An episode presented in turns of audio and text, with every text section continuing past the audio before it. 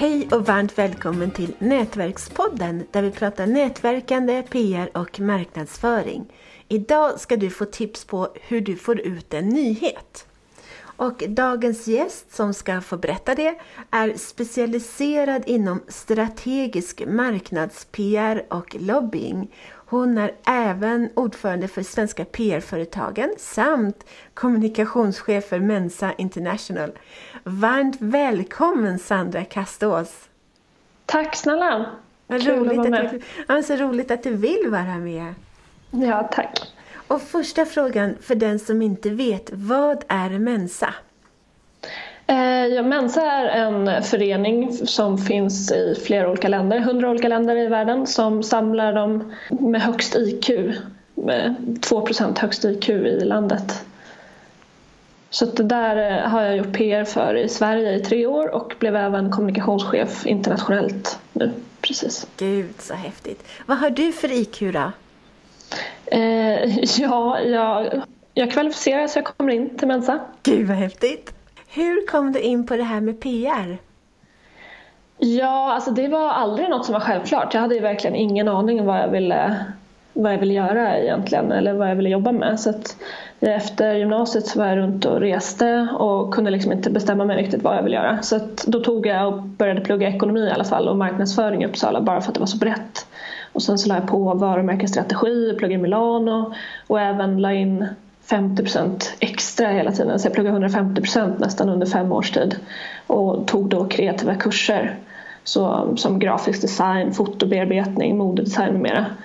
Så jag gillar liksom allt som var kreativt och engagerade mig också över det med teater och skrev artiklar för Ekonomernas tidning och hade modevisningar med. Så att allt det där jag sysslade med då märkte jag sen när jag, frågade, eller jag hade en kompis som jobbade inom PR och märkte att det var mycket av det här som jag pluggade och tyckte var det som var roligt vid sidan av som faktiskt var eh, man kunde jobba med inom PR och som marknadsföringen hade jag pluggat samtidigt som ekonomin så att då blev det liksom att jag gled in på det och tog en praktik och sen så blev jag fast inom PR. Vad kul! Mm, ja, det är väldigt roligt. Det är så extremt... Eh, man gör så mycket olika saker hela tiden så det är väldigt varierande. Det är det jag tycker är roligt. Hur vet man vilken typ av PR som fungerar bäst? Det är ju alltid olika beroende på, på vilken kunden är. Liksom, man ska försöka göra någonting specifikt eh, som är unikt för varje företag egentligen. Men eh, något som jag tycker många glömmer bort eh, konstigt nog, är att faktiskt fråga dem man vill nå att hur skulle ni få, vilja få information eller vad, vad har ni för vanor, vad läser ni för tidningar, eh, hur tar ni till er sociala medier och så vidare. Så att man faktiskt lägger lite tid på innan och intervjua kunder och möjliga kunder och prospect då, för att liksom få insikter i hur de eh, beter sig och vad de gör och hur de vill ha det. Och det kan då sen avgöra vad man satsar på. Ja, det är så många som missar att göra det. Ja, det är lite konstigt. Det vet jag själv att jag har glömt bort någon gång också. Men när man väl gör det så ger det så mycket mer. Men generellt kan man väl säga att eh, företag som riktar sig mot konsumenter fungerar bättre på sociala medier och PR mot konsumenttidningar och business to business eh, mer eh, PR i branschtidningar och direktmarknadsföring och in, att satsa på innehåll på sin hemsida och sökoptimera det skulle jag säga. Ja, det är, alltså, det är så mycket man kan göra inom PR så det är frustrerande. ja, ja, det är ett virrvarr och man kan ju även göra väldigt kreativa kampanjer liksom, som man kanske inte har tänkt att det skulle få PR i sig men eh, som skrivs om bara för att det var ett roligt eh, uppsåt eller så. Liksom. Berätta då, vad har du för tips för att man ska få ut en nyhet? Ja, alltså i och med att journalister mottar ungefär 500 pressmeddelanden per dag så gäller det liksom att göra någonting som ja, sticker ut och ha ett visst, det finns ett visst antal sådana grejer som man kan tänka på. Eh, och sen såklart också använda, ha bra underlag för bilder och filmer för att man ska lyckas nå ut kontinuerligt. Men jag tänkte ta upp fem olika tips här. Och det allra första exemplet är egentligen att använda sig av listor och statistik. Det är väl det som brukar fungera allra bäst tycker jag. Mm, det är underbart. Ja, både journalister och människor som ja, eller människor överlag gillar liksom att jämföra sig eller kolla listor och man eh, kan ju ofta se på, på löpsedlarna att eh, ja, men, jämföra eller se listan vem som har högst lön i din kommun och så vidare. Och så vidare. Så sådana saker fungerar väldigt bra. Man behöver då inte alltid heller använda superdyra undersökningsföretag utan ibland räcker det att bara kolla på sin egen kundbas eller medlemsstatistik. Så det gjorde jag till exempel för, för Mensa i Sverige och kollade vart högst andel bodde och då kallade det för den smartaste staden. Ah. Och det fick 50 artiklar eller någonting sånt. Det var på radio och tv också. Så det fick ett jättegenomslag. Det var lite roligt också för Glenn Hussein gick ut och var lite irriterad för Göteborg var inte på topplistan. så, att, så att då fick det liksom vidare spinning på det också. Så det blev två artiklar bara av det. Ah, roligt. Och, sen, så, jag, och jag måste säga där också att, att för radio och tv och sådär, de brukar säga att ja, men för att vi ska ta in det så måste det ha varit typ en sån här SIFO-undersökning. Men det stämmer mm. ju verkligen inte alls. Jag gjorde en liten undersökning via internet en gång. Det var kanske två, tre, jag kommer inte ihåg hur många det var som svarade, men det var i alla fall en privat undersökning. Men jag fick P3 eller om det var P4 att skriva om eller liksom prata om det. Jag blev mm. intervjuad mm. Tack vare det. Så att mm. man, det går verkligen, vad de än säger, så går det verkligen att komma med utan en SIFO-undersökning bakom. Absolut, absolut. Och det gjorde jag något annat för ett eh, företag som säljer olika produkter och såg bara utifrån deras egen säljstatistik vart, vilka inredningsprodukter som var intressantast och också vart i landet det såldes bäst.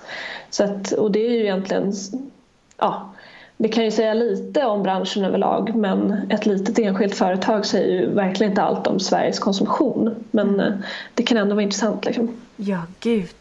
Ah, jag älskar att få tag i en, i en undersökning som ingen har jobbat med. och liksom ja. föra ut det. Det är superkul. Det andra tipset då är att eh, använda sig av kända namn och kändisar. Media älskar ju att skriva om kändisar och vi älskar att läsa om vad de har för sig och deras liv. Ja. Eh, och det är också det man gör när man använder influencers som eh, många av kändisarna kallas idag och bloggare och så vidare. Så att eh, det har blivit en viktig del av marknadsföringen att använda sig av kändisar. Så att eh, gör man en kampanj eller liknande så slänger man in en, ett känt namn så är det lättare att få en nyhet på det, att media skriver om det.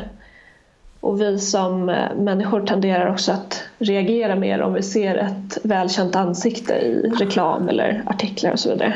Min svägerska tvingade iväg mig att kolla på um, när kronprinsessan Victoria gifte sig med sin Daniel. Och det var jättetrevligt mm. allting. När Victoria, vi stod vid slottstrappan och, liksom och tittade. Och när Victoria vände sig om och vinkade mot oss, då blev det stort jubel och alla vinkade. Mm. Och och när Daniel vände sig om och vinkade, då är det klart att folk vinkar tillbaka då också, men inte alls lika mycket. det lite pinsamt så. Ja. Ah, för, men, för, för, att alla kände igen honom, men Victoria kände mm. man igen mycket, mycket mer. Exakt, henne är man ju uppväxt med liksom, ah. som ett känt ansikte. Ja, mm. ja, ja, ja, jag bara stör. Fortsätt. Ja, nej, det är kul. Bra med inlägg. Ja, eh, och sen tredje tips, att använda sig av lokalmedia. Att man tänker på närhetsprincipen. Så att en nyhet som kanske inte alltid riksmedia eller branschmedia är intresserad av kan ofta lokalmedia vara intresserad av. Mm. Så att om man Säg säga att företaget verkar på någon mindre ort eller, liksom, så, eller om även någon anställd kanske kommer från en specifik ort och har gjort något speciellt inom företaget så, så kan man liksom sälja in en sån story till lokaltidningar skulle jag säga. Och nu när jag blev eh, kommunikationschef för Mensa till exempel internationellt då skrev ju alla Gotlandstidningar och Gotlandsradio om det bara för att jag kommer från Gotland. Mm plus då branschtidningar inom PR. Så det var liksom de som skrev. Så antingen i den branschen man verkar kan skriva om det eller eh, lokalmedia där man kommer ifrån eller där företaget eh, ligger eller finns. Mm. Så att, eh, att man tänker på det också. Så vissa företag eh, eh, kan ju få ut både i riks och i branschmedier. Men sen så kan man även addera att därifrån grundarna kommer de kanske också skriver om det, lokalmedia. Ja, och lokalmedia, i synnerhet om man är ett lokalt företag, då är lokalmedia nästan mycket bättre än, än stora tidningarna. För det är ju ändå sådär 75-95 procent, jag kommer inte ihåg riktigt, som läser sin lokala tidning. Men mm. man kanske inte läser Dagens Nyheter om man bor i, på en liten ort. Nej, exakt. Så har man ett företag som bara finns där och säljer produkterna där så absolut. Eh, sen så finns ju många på, på nätet redan att sälja produkter men absolut. Lokalmedier är underskattat men ja. det, är ju, det är väldigt bra skulle jag säga. Ja, jag håller med. Har du några mer tips eller var det mm. allt? Ja, nej, jag har två tips till. Oh, vad härligt! ja, eh, då har vi då eh, alltså hett för dagen eller trender. Så att det fungerar väldigt bra, nästan allra bäst egentligen, på sociala medier. Och att när då företag gör något roligt eller spinner vidare på någonting som händer i, i, ja, men i världen. Till exempel en av de mest prisbelönta kampanjerna förra året, eller ja, för några år sedan, var Ikeas kampanj när de gjorde en blixtsnabb reaktion på att Balenciaga lanserade en väska som såg ut som deras blå kasse. Just det. Ja. ja.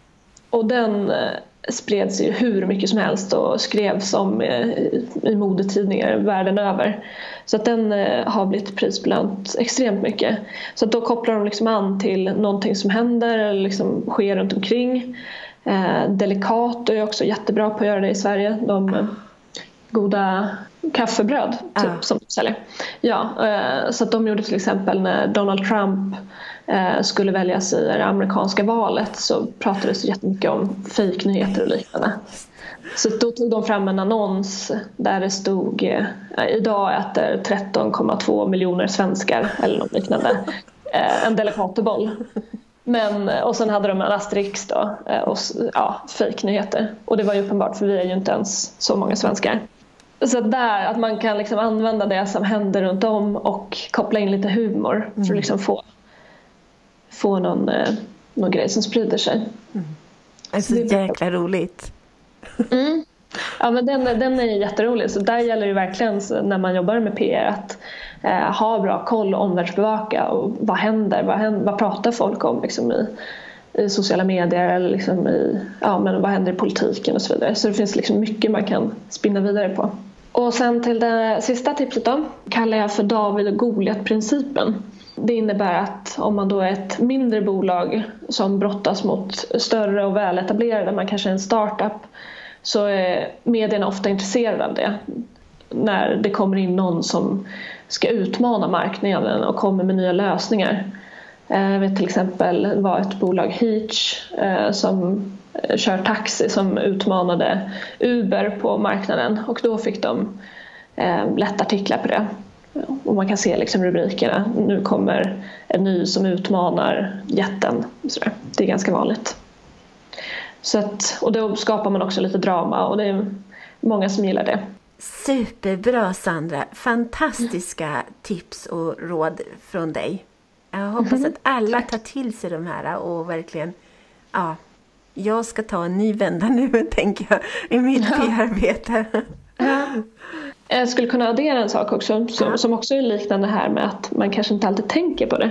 Men det allra viktigaste, det här är ju liksom eh, hur man kan tänka för att få ut en nyhet men det allra viktigaste skulle jag säga är att skapa en relation med journalisten. Så att var, inte vara rädd för att bjuda ut på lunch och lyssna. Hur kan man hjälpa dem i sitt arbete och lära sig hur de jobbar?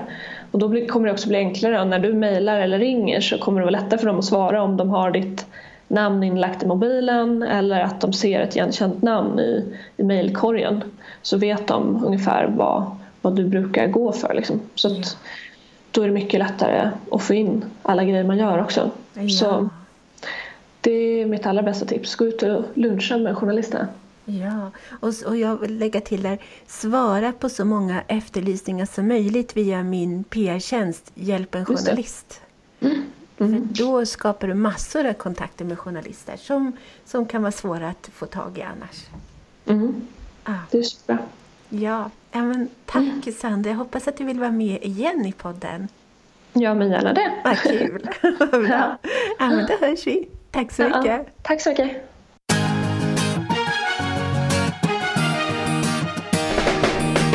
Tack för att du har lyssnat på Nätverkspodden om nätverkande, PR och marknadsföring med Nina Jansdotter och Marie Hagberg.